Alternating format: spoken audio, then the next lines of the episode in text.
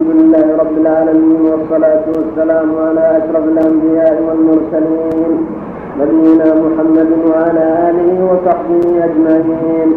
قال الإمام ابن القيم رحمه الله تعالى قلت السبل التي يسلكها الإنسان أربعة لا غير فإنه تارة يأخذ على جهة يمينه وتارة على شماله وتارة أمامه وتارة يرجع خلفه فأي سبيل سلكها من هذه وجد الشيطان عليها رصدا له.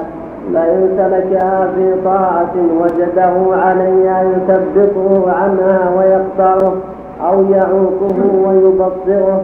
وإن سلكها لمعصية وجده عليها حاملا له وخادما ومعينا وممنيا. ولو اتفق له الهبوط ومشجعا. ومشجعا نعم ولو اتفق له الهبوط إلى أسفل لأتاه من هناك ومما يشهد لصحة أقوال السلف قوله تعالى وقيضنا لهم قرناء فزينوا لهم ما بين أيديهم وما خلفهم. قال الكلبي ألزمناهم قرناء من الشياطين. كنت لك كأبي زرع لأم زرع. ونص أحمد رحمه الله على جواز ذلك في حق البنت وكراهته في حق الصبي. وكان هذا معروف عند العرب أقر بالإسلام وهو الإذن من جهة الأقراط. الأخراط كانت المرأة تلقي من أقراطها في ثوب بلال وحث النبي على الصدقة. نعم. هذا من زينتهم التي اعتادوها في الجاهلية والإسلام وهو ما يكون في الآذان من الأقراط. نعم. Mm-hmm. Mm-hmm. كما قال القائل منى إن تكن حقا تكن أحسن المنى وإلا فقد عشنا بها زمن الرغدا فالنفس المبطلة الخسيسة تلتز بالأمان الباطلة والوعود الكاذبة وتفرح بها كما يفرح بها النساء والصبيان ويتحركون لها. فالأقوال الباطلة مصدرها وعد الشيطان وتنميته.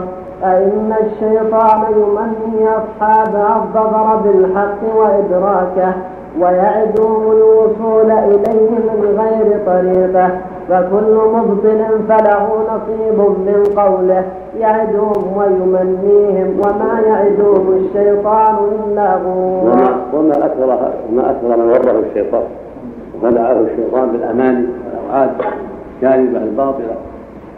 حتى غرق في الباطل وهلك مع الهلك نسأل الله.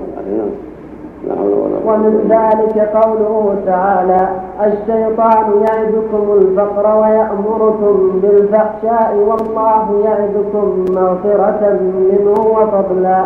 قيل يعدكم الفقر يخوفكم به. يقول سبحانه وعد الشيطان وأمره. يأمرهم بالشر ويخوفهم من فعل الخير. وهذا وهكذا نواب هكذا نواب الشيطان. يعيدون بالفقر يشجعون على عدم الإنفاق.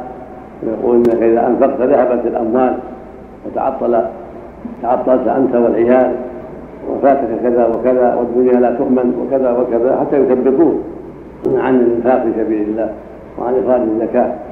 ويأمرون بالفحشاء يقولون هذه الدنيا آه أنت إن شاء الله بعد حين تتوب بعد حين إذا طال عمرك واذا شيبت تتوب.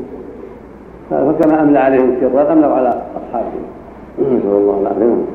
والفضل إعطاء الخير وفي الحديث في مقابل وعن الشيطان بالفقر الله يعيدهم الخير والفضل. سبحانه وفي مقابل امره لهم بالفحشاء الله يعيدهم المغفرة.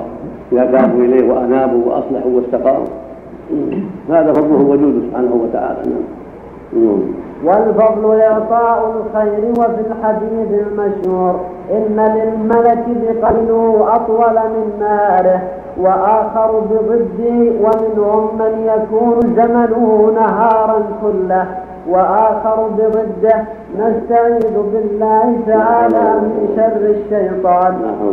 فصل ومن كيده للإنسان. بركة نسأل الله الجميع العافية. نعوذ بالله من شر الشيطان. نعوذ بالله من نسأل الله العافية. نعم.